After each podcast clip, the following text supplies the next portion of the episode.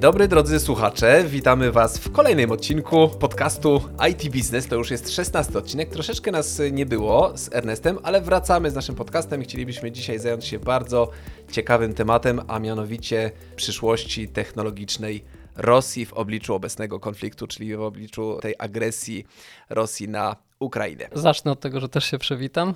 Właśnie, ja chciałem się tutaj przywitać ja jako Paweł Pilarczyk i oczywiście standardowo jest ze mną Ernest Frankowski. Tak, z IT9, a jestem Paweł Pilarczyk, IT Business. Drodzy słuchacze, dzisiaj, tak jak wspomniałem, będziemy rozmawiać z Ernestem o tym, jaka będzie przyszłość Rosji, jeśli chodzi o jej rozwój nowych technologii w obliczu tego, co się tam dzieje w Ukrainie. Czy będzie przyszłość? I czy będzie przyszłość, Jaka? tak. Czy, czy będzie, dokładnie, Jaka, czy będzie przyszłość. Czy rzeczywiście Rosja zostanie odcięta od nowych technologii, a może jakoś sobie Rosjanie będą radzić, ponieważ y, bardzo dużo się dzieje w, w tym momencie wokół Rosji. Y, Konflikt w Ukrainie trwa już 4 miesiące, dobrze liczę. Zaczął się w lutym. No, już Y, już sto- Idzie sto- na 150, więcej. 150 dni, 150 Już- dni, tak już- ostatnio czytałem, że, że już ponad 150 dni. Wojna się rzeczywiście przeciąga, Zas- zaskoczyło to wszystkich ten konflikt, że on tak długo trwa, ponieważ y, wydawało się, że to będą 2-3 dni dosłownie i tak y, i specjaliści... No nie, y, tak nie mówmy. To, Znaczy, to, no- to były nadzieje Rosjan. tak, takie były na- nadzieje Rosjan, ale tak, tak, takie były też obawy świata, że, że Rosja po prostu. Taka była, takie były chyba oczekiwania po Rosji, czy tak, tak, taki, taki był. Znaczy obawy i nadzieje. Ja myślę, że wiele krajów tu by chciało mieć spokój, więc jakby to się szybko skończyło, tak w kilka dni i można byłoby wrócić do interesów, to byłoby Tak, do super. normalnego, norma- normalnego życia, a tymczasem y, sytuacja zupełnie wygląda inaczej niż wiele osób y, przewidywało. Y, konflikt się przeciąga i y, prognozy są takie, że będzie trwać prawdopodobnie jeszcze długie miesiące, jeżeli nie y, całe lata.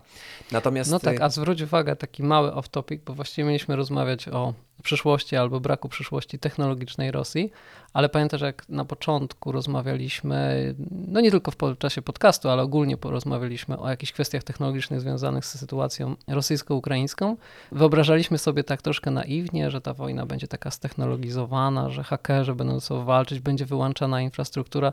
Słyszałeś o jakichś takich większych ten? To jest bardzo tradycyjna wojna, Tak. taka mini wojna, no nie wiem, z, z pierwszej połowy XX wieku, no bo skala też jest oczywiście nieporównywalna, tak, no nie jest to jeszcze, mamy nadzieję, e, wojna światowa, ale jest to wojna tradycyjna jednak, dużo artylerii, tak, takich- dokładnie. Znaczy, znaczy wielu, wielu specjalistów Rosjanie przewidywało, że- wyciągają stary sprzęt, który przy okazji Tak, zutylizują, jak tak. to mówią, zero waste na wojnie. Tak, tak, tak. Znaczy rzeczy- rzeczywiście jest to, jest to kolejne zaskoczenie dla całego świata, bo spodziewaliśmy się tego, że potencjalny kolejny Zwłaszcza, duży ob, konflikt obydwie się... nacje są znane z takich uzdolnień e, informatycznych i eksportu swoich no, umysłów IT. Tak, takiej dokładnie. czy A, te, a tymczasem mamy, mamy do czynienia z tradycyjnym e, konfliktem militarnym, a ten konflikt e, cybernetyczny, on istnieje jak najbardziej. Tutaj, tutaj jest, ale nie jest na taką skalę jak.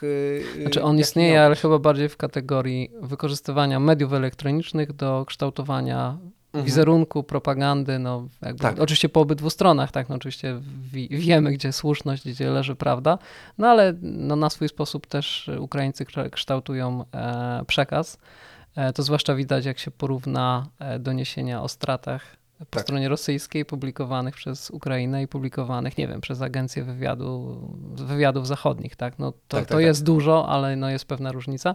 A Rosjanie oczywiście używają też te technologii, tylko znowu, żeby kształtować pewną propagandę, ale oni mają mniejszy sens, żeby to kierować do świata. Trochę już to już minęło, pociąg odjechał, Tak. ale do własnych obywateli e, aparat władzy, elita tak, e, która tą wojnę wywołała, to kieruje i to więc to na tym polu, a tak, żeby jakieś, no żeby tu rzeczywiście te wszystkie, jak się mówiło, Amerykanie jak tworzyli siły zbrojne, kosmiczne, a jest, są te siły zbrojne, tak, te, no, cyber, cyber, cyber siły zbrojne, no to tutaj tego tak bardzo, przynajmniej tak, nie, tak bardzo widać. nie widać. Tak Ale bardzo nie właśnie, widać. a my mamy się zająć takim powiedzmy aspektem konsumpcyjnym Tak, kon- konsumpcyjnym. po e, stronie rosyjskiej. Tak, Co ale, tam tak, ale u także gospodarczym, jak, y, jak ta przyszłość y, nowych technologii, czy braku dostępu do nowych te- technologii, jak w ogóle wpłynie na, gospodarkę rosyjską, bo problem jest dla Rosjan potężny, ponieważ y, Rosja została objęta całym szeregiem y, przeróżnych sankcji, ale własne sankcje wprowadziły także prywatne firmy, czyli te firmy, które nie chcą się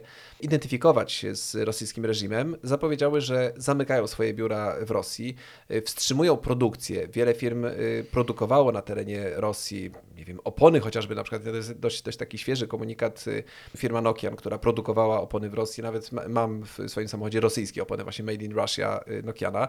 Y, Nokian y, to było dwa albo trzy tygodnie temu, poinformował, że zamyka swoją fabrykę rosyjską, która była jedną z ważniejszych fabryk, więc tego typu również produkcja przemysłowa odbywała się również na terenie Rosji, te firmy się wycofują, ale oczywiście skupiamy się dzisiaj na tych firmach technologicznych. No tak, w tych oponach, mimo że Nokia to jeszcze chyba jakichś mikroprocesorów nie ma. Tak, nie ma, nie ma mikroprocesorów, natomiast same firmy technologiczne, te wiodące, typu Apple, typu Samsung, Microsoft, Google, to są firmy, które wszystkie wycofały się już z Rosji, przynajmniej oficjalnie, ponieważ nadal niektóre ich produkty można kupić, ale to takimi lewymi metodami, nie, nie, nieoficjalnymi No tak, jest taki drogami pośredni, pośredni import, tak, takie różne sytuacje. Tak, to cały, cały czas oczywiście Rosjanie starają sobie y, radzić. Y, natomiast ciekawe jest to, że w momencie, gdy te firmy zaraz na samym początku konfliktu zapowiedziały wycofanie się z rosyjskiego rynku, zaraz jak usłyszeliśmy o blokadzie y, SWIFT, zaraz jak usłyszeliśmy o blokadzie płatności przy pomocy kart w standardzie Visa albo Mastercard, albo w, przy pomocy Google Pay albo Apple Pay, to wydawało się, że te sankcje, te y, y, ruchy tych firm i korporacji zagranicznych spowodują rzeczywiście całkowite takie wycofanie, zamknięcie, izolację technologiczną Rosji. Ale tymczasem dzisiaj, po tych, y, tak jak powiedzieliśmy, 150 dniach od rozpoczęcia konfliktu, sytuacja troszeczkę inaczej wygląda, ponieważ nadal na terenie Rosji działają firmy chińskie. To jest właśnie ciekawy aspekt tego, że, że firmy chińskie cały czas działają na terenie Rosji i jak myślisz, w którą stronę pójdą Chiny w tej sytuacji? Czy oni będą bardziej starać się bratać z Rosjanami, czy jednak stwierdzą, że im się to nie opłaca i jednak warto robić te biznesy w Europie albo w Stanach. Bo na razie to jest tak, że Chiny się y, oficjalnie nie zadeklarowały po żadnej ze stron, a, a tymczasem y, dane liczbowe są takie, że tam chińskie smartfony Xiaomi, smartfony Realme, y, smartfony Huawei sprzedają się tam po prostu jak świeże bułeczki. To chyba mniej pytanie o technologię, bardziej o politykę, mhm. ale, ale Chińczycy mają ten komfort, że mają tradycję takiej prowadzenia polityki w taki sposób zniuansowany. Tak? Oni nigdy nie mówią czegoś tak zero-jedynkowo czy, czy w sposób czarno-biały. W związku z tym no zwróć uwagę, że ich wyrazy poparcia dla Rosjan, no, no właśnie, były momenty, że wszyscy się spodziewano, że tutaj będzie większa taka przyjaźń, większa otwartość, czy takie bardziej otwarte i, i szerokie wsparcie dla Rosji, a był powiało chłodem. Później, jak wszyscy się spodziewali, że to będzie konsekwentnie szły w tym kierunku, to nagle ta serdeczność wzrosła. Myślę, że tak naprawdę no, Chińczycy starają się być obrotowi, to znaczy wykorzystać sytuację na tyle, ile mogą, to znaczy, żeby sobie pozyskiwać tańsze surowce, otworzyć dodatkowy rynek, rynek zbytu, no a jednocześnie też się nie odciąć od gospodarki światowej, no bo jednak to gigantyczny kraj, ale tak gdyby, że tak powiem, odciąć ich od rynków zbytu w, w krajach północy, no bo w sumie już od Afryki, Ameryki Łacińskiej nikt ich nie odetnie, bo tam zbudowali sobie całą strefę wpływów, e, no to to odczują, tak? Odczują jako kraj, jako firmy, jako producenci w, w, w portfelach.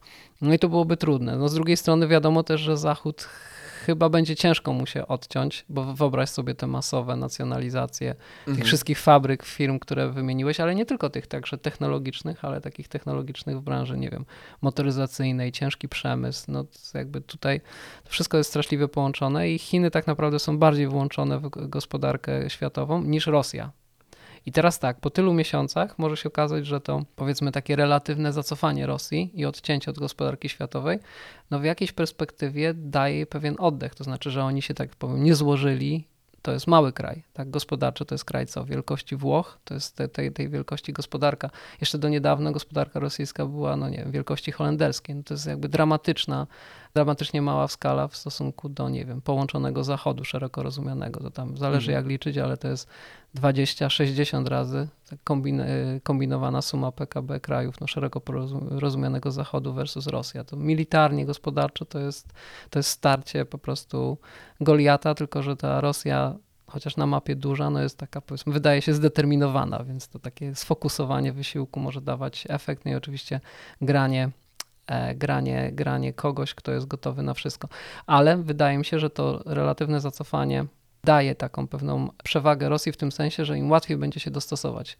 Ludzie, którzy tam żyją, oprócz oczywiście społeczności tam w Petersburgu i Moskwie i wokoło, no nie ma jakiegoś takiego dużego problemu, że tych rzeczy nie ma dostępnych. No, serwisy strumieniowe, no, jakieś telefony Apple, no to i tak jest bajka o żelaznym wilku. E, blokady, blokady na tych wszystkich serwisach można obchodzić. No nie wiem, ja tak jak nawet przed naszym podcastem opowiadałem ci, jakie lubię oglądać e, rzeczy na Instagramie, na przykład związane z, Mhm. z, nie wiem, z no, no, chociażby z wielkimi kotami. Tak? Czasem bardzo piękne filmy tam ludzie wrzucają, którzy podróżują. Ale tak jak na to spojrzeć, no to tam tych wszystkich blogerów, celebrytów ze świata rosyjskojęzycznego wciąż jest mnóstwo. To, to Tak. jakby to, no to co, co, co tutaj się stało? No nic się nie, nie, nie, nie zmieniło. E, mają Mimo, że odpowiednik własnych teoretycznie zablokowany. tak, tak, mają Mhm. odpowiednik, własny odpowiednik właściwie każdego mm, dużego, nie wiem, serwisu społecznościowego zachodniego, tak samo jak Chińczycy.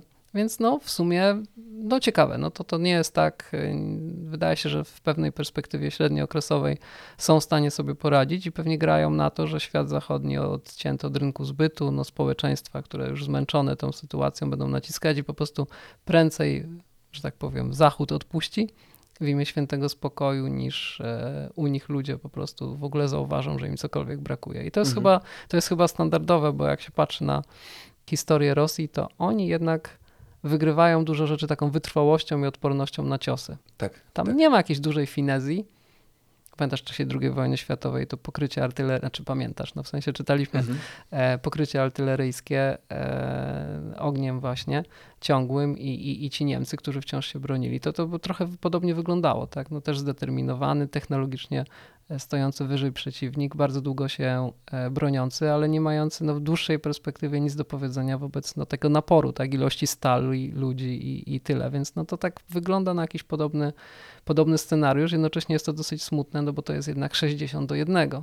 Rzeczywiście, ja na przykład muszę zrewidować moje, moje poglądy w stosunku do tych, jakie miałem na początku tego konfliktu. Yy, Udzieliłem takiej wypowiedzi do Polskiego Radia wtedy yy, a propos yy, właśnie technologicznej izolacji Rosji i powiedziałem, że moim zdaniem yy, ta Rosja cofnie się technologicznie o 20 lat w wyniku tej yy, izolacji, w wyniku tych sankcji, w wyniku tego, że na przykład yy, swoich komponentów do Rosji nie będą dostarczać producenci takich komponentów, czy nawet y, układy scalone, które były produkowane na potrzeby rosyjskich firm y, przez y, chociażby TSMC czy Intela, już nie będą przez te firmy też dostarczane. Ja wtedy powiedziałem, że to właśnie będzie oznaczało wielkie zacofanie technologiczne Rosji, ale tak jak powiedziałeś, chyba po tych miesiącach świat jest już zmęczony i zaczyna chyba trochę niestety Rosji odpuszczać albo wybaczać. I to, że firmy w ogóle zgadzają się, czy to, że świat się zgadza na to, żeby firmy chińskie y, tak bez żadnych ogródek po prostu sprzedawały swoje y, produkty na terenie Rosji. Y, i te, te same firmy chińskie prężnie działają na terenie Europy czy Stanów, to chyba też jest taka oznaka takiego, takiego zmęczenia, takiego odpuszczenia. I to, co istotne, to co wspomniałeś, że świat nie może sobie chyba pozwolić na to, żeby obłożyć sankcjami Chin albo firm chińskich, ponieważ my jesteśmy bardzo uzależnieni od, y, od Chin, od chińskiej produkcji, bo jeżeli wyobrazimy sobie, że na przykład my się odetniemy teraz od produkcji całej y, chińskiej, od tych fabryk chińskich, będziemy musieli y, zacząć sobie te wszystkie dobra, które dzisiaj są made in China, będziemy musieli sobie je produkować w Europie albo w Chinach, to my nawet nie mamy zakładów produkcyjnych tutaj w, w Europie czy na mamy. przykład w Stanach. To wszystko trzeba wybudować na nowo. Trump na przykład, Donald Trump zapowiadał wie, wielką akcję przenosie, przenoszenia produkcji półprzewodników y, na teren y, Stanów Zjednoczonych. Y, Chciał się właśnie uniezależnić od Chin i ja wówczas też jego krytykowałem, tak się troszkę śmiałem z tego Trumpa, że on jest taki, taki bardzo nacjonalistyczny, ale teraz trochę rozumiem te, te kroki, bo rzeczywiście w tej chwili ym, cała ta sytuacja pokazuje, jak bardzo my jesteśmy od Chin uzależnieni i to, że, że Chiny tutaj mogą teraz rozdawać karty w, y, wszystkim bo mówi się na przykład, że Rosja będzie teraz wasalem Chin w tej, w tej sytuacji. Oni będą teraz y, grali po prostu tak, jak im Chiny zatańczy, zaśpiewają, to tak będą, tak będą tańczyć y, Rosjanie, y, bo cała ta technologia, czy właśnie te wysokie technologie, które, od których teraz Rosja jest odcięta z, od tych wysokich technologii amerykańskich czy europejskich, to jednak będą dostarczane im przez y, firmy chińskie i wygląda na to, że Chińczycy nie mają się czego obawiać w tej sytuacji tak naprawdę. Czy no poruszyłeś wiele wątków Mhm. e, i mam nadzieję, że uda nam się wszystkie, e, wszystkich jakoś dotknąć, ale tak idąc po kolei, znaczy ja jeszcze, znaczy tak bardzo tego słabnięcia determinacji naszego świata zachodniego, to jeszcze tak bardzo nie widzę. E, Ale faktycznie, faktycznie no pierwsze jakieś takie jaskółki tej zmiany są. No zresztą jakiś czas temu prezydent Francji mówił, że no warto by wyjść, pozwolić Putinowi wyjść z twarzą z tego konfliktu. Że to często się tak mówi, tak? No I to jest e, w, w rozgrywkach między mo- mocarstwami ta kwestia jest bardzo istotna, tak? No to, to jest, to jest, to, to, to jakby nie, nie, nie, nie, to nie w tym i nie w poprzednim tysiącleciu e, duże państwa rozgrywając różne gierki między sobą miały takie podejście i to no, no rzadko chodziło, do, chodziło o to, żeby się tak dokumentnie i ostatecznie zniszczyć, więc to jest, e, to raczej chodziło o zajęcie pozycji przed kolejną rozgrywką. Inna rzecz jest taka, rzeczywiście z Chinami nie wiadomo co zrobić. Znaczy no wiadomo, że one sobie nie, nawet nie z powodów tam politycznych czy, czy geopolitycznych, no ale to jest e, taki fajny kąsek, tak? Bardzo, mm, bardzo, bardzo, mm, no byłoby, byłoby grzechem się po niego z ich perspektywy nie pochylić. No jest koniec końców jednak mimo wszystko jakiś tam duży rynek i, i ludzie, którym czegoś zaczyna e, brakować, więc no w sumie dlaczego, dlaczego nie? Zachód nie ma jakiegoś moż, możliwości zablokowania tego mm, jakby do, do, do dostaw technologii chińskich, no też zbudowanych na joint venture ze spółkami zachodnimi i to trochę chciwość świata zachodniego go zgubiła, bo pamiętasz, nie?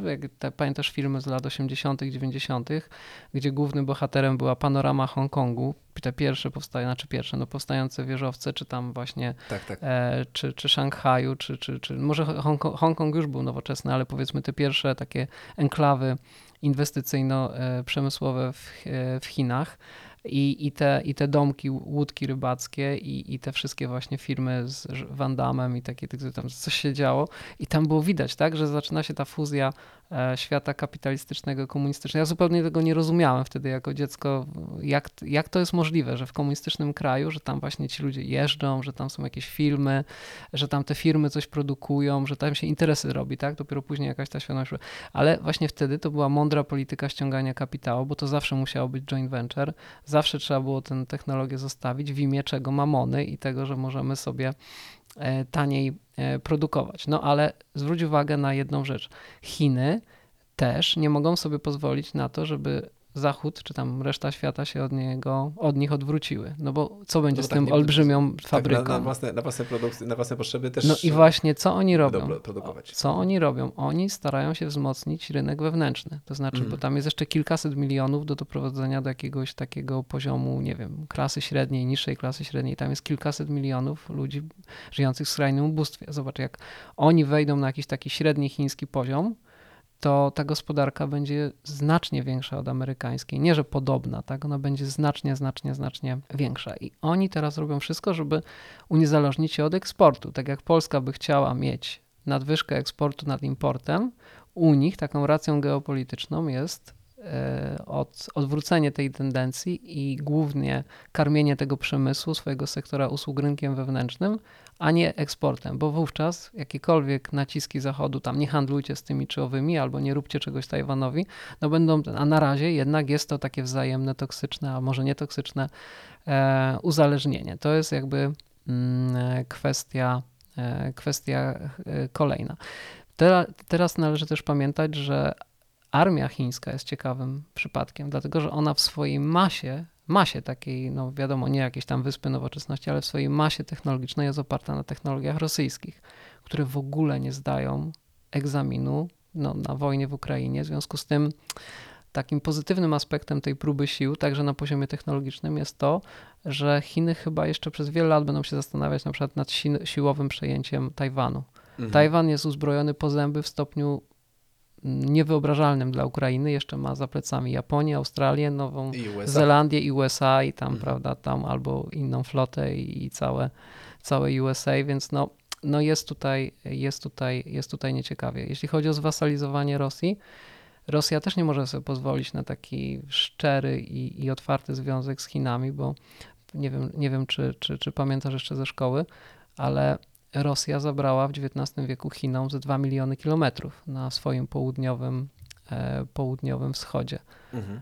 E, no i no, tak samo jak Chińczycy pamiętają o Tajwanie, tak samo jak e, pamiętali o Hongkongu i o Makao i paru innych miejscach, no to o tym też bardzo pamiętają, więc koniec czyli, końców... Czyli chcieliby potencjalnie te tereny też znaczy, odzyskać Nie mówię, że chcieliby, tak, ale Mhm. no, że, bo, może nawet to być niepotrzebne, ale to, to, to się może źle skończyć, tak, to nie jest, e, znaczy to jest, e, to jest partner polityczny, technologiczny, biznesowy, ale który ma pewne zaszłości i pretensje, które teraz no może nie ujawnia, bo ma trochę innych przeciwników, ale to kiedyś e, kiedyś wyjdzie. Poza tym Chiny dy, dyktują ceny, no i okej, można kupować taniej tą ropę, gaz i tak dalej, i tak dalej. I, mają, I oczywiście tam jest napływ tych technologii i Rosjanie mogą się cieszyć, cieszyć telefonami, ale dlaczego Rosjanie nie na przykład nie nacjonalizują jeszcze w takim, takim skrajnym stopniu tego majątku zostawionego przez zachodnie firmy?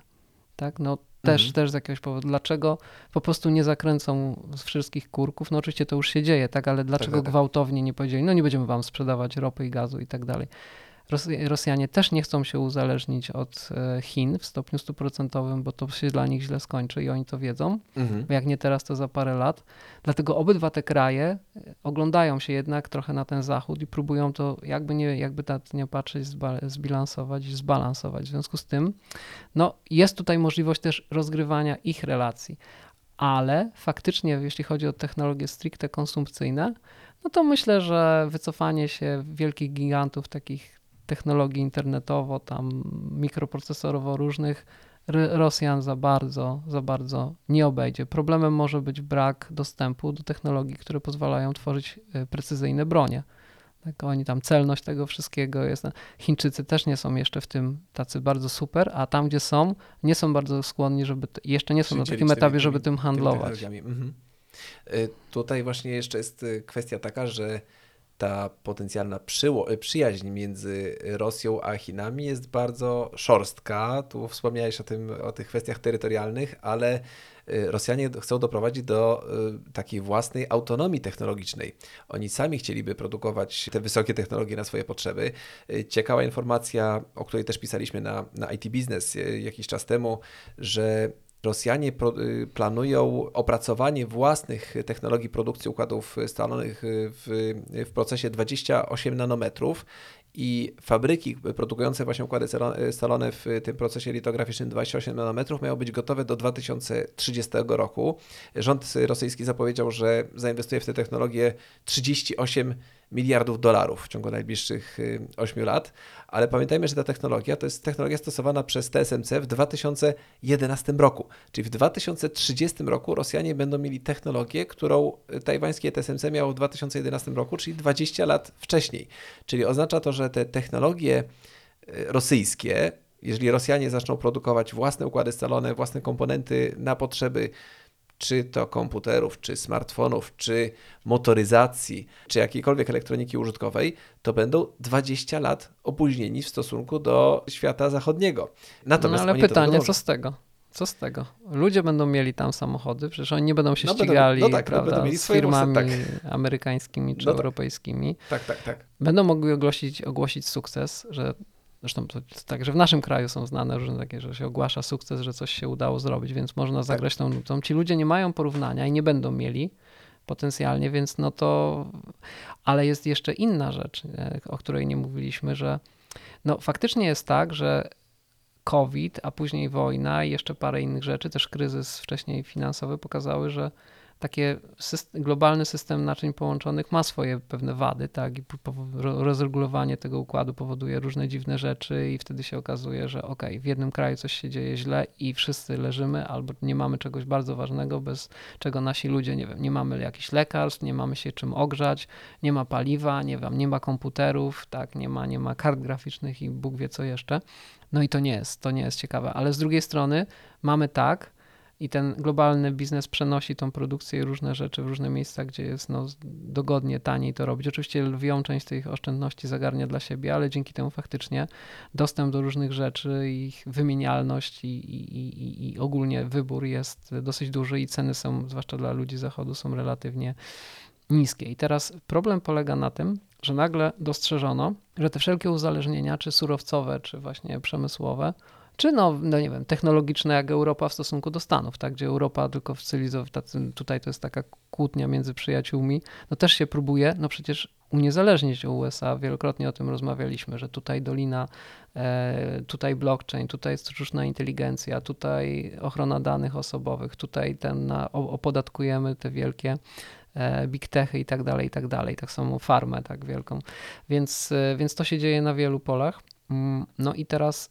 teraz pytanie, jeżeli mamy na, e, na szali coś takiego, że jesteśmy uzależnieni i nie możemy mieć podstawowych dóbr, albo niszczymy, znaczy w ten sposób demontujemy tą globalizację na rzecz regionalizacji i generalnie zakładamy, że w krajach to się nie da, bo to już jest za, za, za dużo, za technologie są zbyt skomplikowane, ale na poziomie regionów, kontynentów, czy jakichś właśnie takich państw, kontynentów, jesteśmy do pewnego stopnia samowystarczalni, przynajmniej jeśli chodzi o rzeczy strategiczne, no to ceną za to jest to, że po pierwsze najpierw się troszkę cofamy, no bo teraz wyobraź sobie, że w, w, w Europie zaczną budować fabryki mikroprzewodów. Będzie tak, tak samo procesorów i tak, tak dalej. Będzie tak. no, co, co, tam jest. No ja kojarzę, że w Niemczech AMD ma jakąś fajną, ma jakiś fab fajny, no i jakby mhm. nie bardzo kojarzę, czy coś jest jeszcze.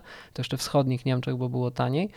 Mm, no i, e, no i będzie przez chwilę trochę drożej, ale to jest pierwszy krok. No, inwestujesz, robisz, robisz, a no i może się w 30 roku to będzie technologia stara w stosunku do tego, gdzie jest, no powiedzmy, jakiś standard, ale za 50 lat, kto wie jaki datę, być może to jest warta, warta poniesienia inwestycja. Oczywiście dla Rosji może nie kibicujemy, żeby to się udało, ale jest to być może lekcja dla Europy i e, innych części świata.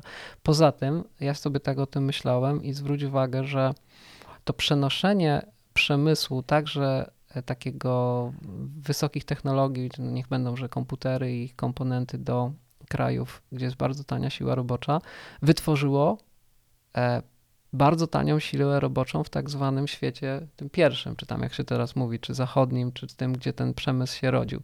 Cały ten pas rdzy, te środkowe Stany e, USA, no to, no to jest przestrzeń, gdzie można, że tak powiem, z powrotem pewne rzeczy, może nie od razu wys wymagające wysokich kwalifikacji, ale jest potencjał, żeby wracać z tymi fabrykami. I oczywiście Trump był czy jest trochę, no tak, znaczy no jest błaznem, no już nie będę się krył, tak. jakie mam, te, ale to nie, to nie oznacza, że mm, czasami no nie, nie stawiał celnych diagnoz, znaczy no jest parę rzeczy, które, które, które no to, to od dawna się mówiło, tylko po prostu problem polega tym, że ponieważ on to mówił, to ludzie się zaczynają odcinać od rzeczy, które mają sens tylko dlatego, że ktoś, kto ośmiesza te tezy, to mówi.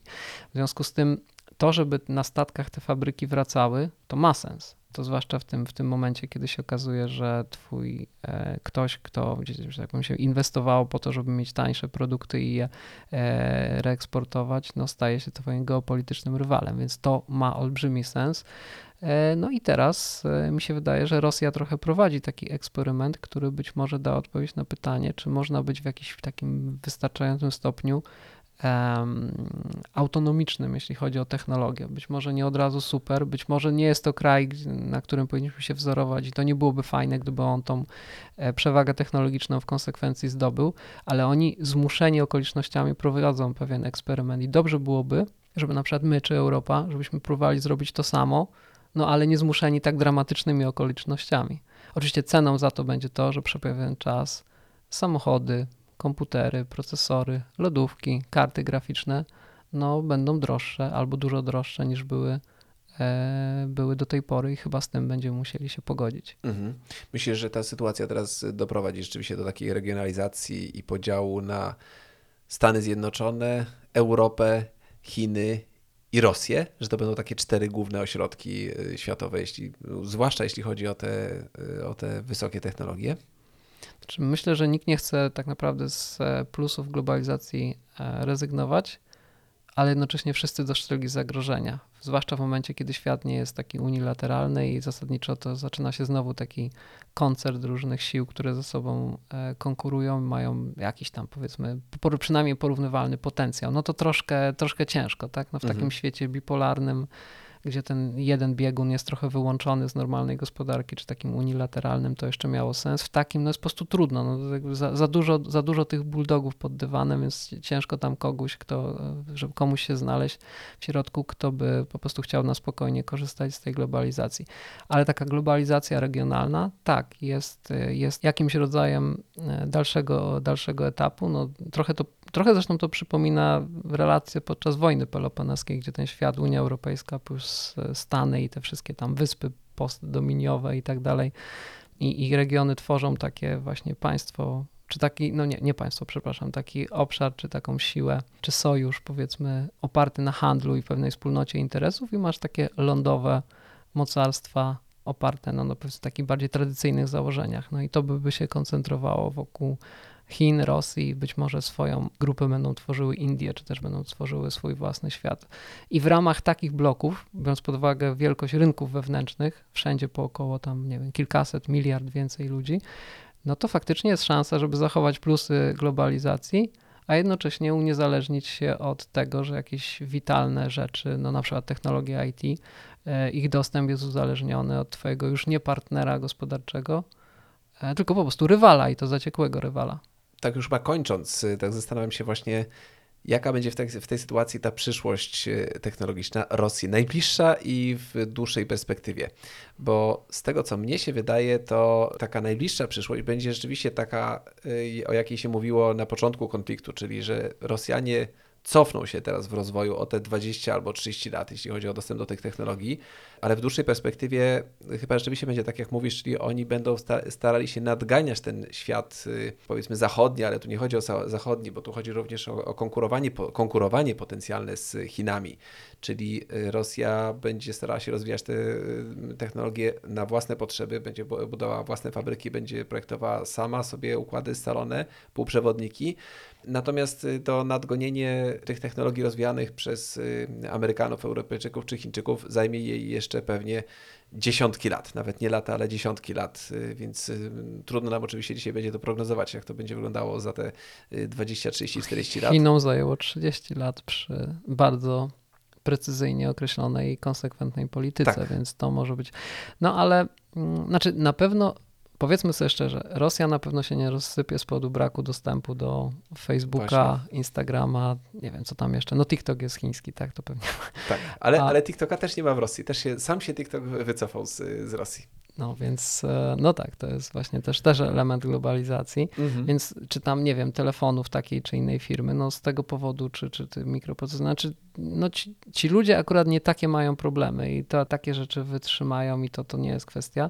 No to jest pytanie takie, czy po prostu ta wojna pozwoli Rosja, Rosji przetrwać w obecnym kształcie, no raczej na takiej zasadzie, czy, czy obecna władza się utrzyma no bo mhm. nie wiem, może za rok jak to tak będzie wyglądało i nie wiem, tam po prostu 200 tysięcy żołnierzy rosyjskich czy z obszaru rosyjskiego zginie, no to w końcu ludzie się wkurzą i, i będzie jak podczas wojny w Czeczeni, tylko na większą skalę, że no nie wiem, stowarzyszenia matek rosyjskich żołnierzy po prostu tak, wstrząsną tak, tym mówi. rządem, mhm. tak? Tak, tak?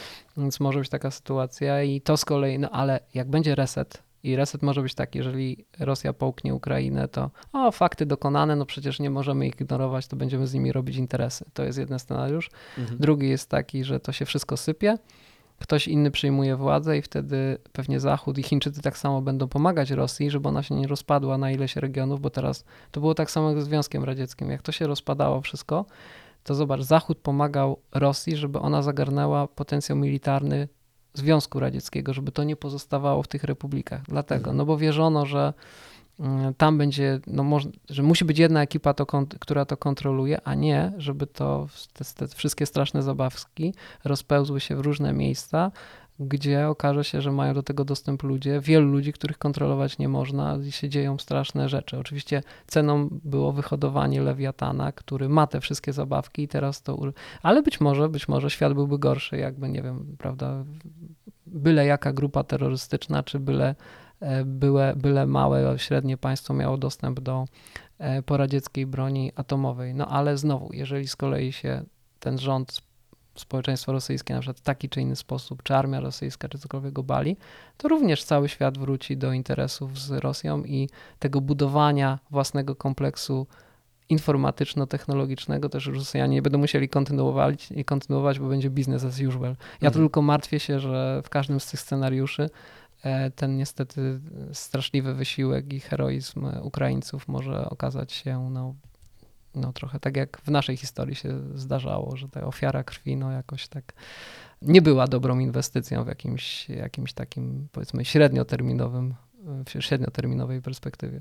Czyli żaden z tych scenariuszy tak naprawdę, który zakreśliłeś, nie jest tym scenariusz- scenariuszem pozytywnym. Wszystkie są jakieś. Znaczy nie, dość- nie, nie, nie mówię, że, że znaczy, Mhm. no, w skali globalnej mogą być pozytywne. No, w, Mhm. skali, w skali ludzi, którzy tam przeżywają te tragedie, może, może, może mniej, ale nie wiem, nie, nie bawi cię to, że zupełnie kończąc, jak na przykład te wszystkie podchody, żeby Ukraińcom nie przekazać broni, która będzie mogła razić cele w samej Rosji. Tak. No a, a, a kraj, który jest agresorem, kiedy odpuszcza? No kiedy staje się sam zagrożony. Dobrze, Ernest, y, y, bardzo dziękuję za, za dzisiejszą rozmowę. Dzisiaj, Ja dzisiaj trochę krócej, ponieważ my ostatnio w naszym podcastie się Ale i tak dłużej niż się umówiliśmy. Ale i tak dłużej niż się umówiliśmy, ale staraliśmy się dzisiaj trzymać y, naszych założeń 30 minut. Mam nadzieję, że wrócimy już do bardziej regularnego nagrywania naszego podcastu, ponieważ mamy tutaj trochę nowy setup skonfigurowany. Spotkaliśmy dzisiaj, się dzisiaj z Ernestem też osobiście na to nagranie, nie nagrywamy zdalnie, więc mam nadzieję, że będziemy też się częściej spotykać osobiście i będziemy częściej nagrywać kolejne odcinki podcastu y, IT Business. A tymczasem Ernest, jeszcze raz Ci bardzo dziękuję. Bardzo dziękuję naszym słuchaczom y, za odsłuchanie naszego odcinka podcastu IT Dziękujemy. Business i oczywiście do kolejnego I razu. zapraszamy ponownie. Zapraszamy. Dzięki, cześć. Cześć.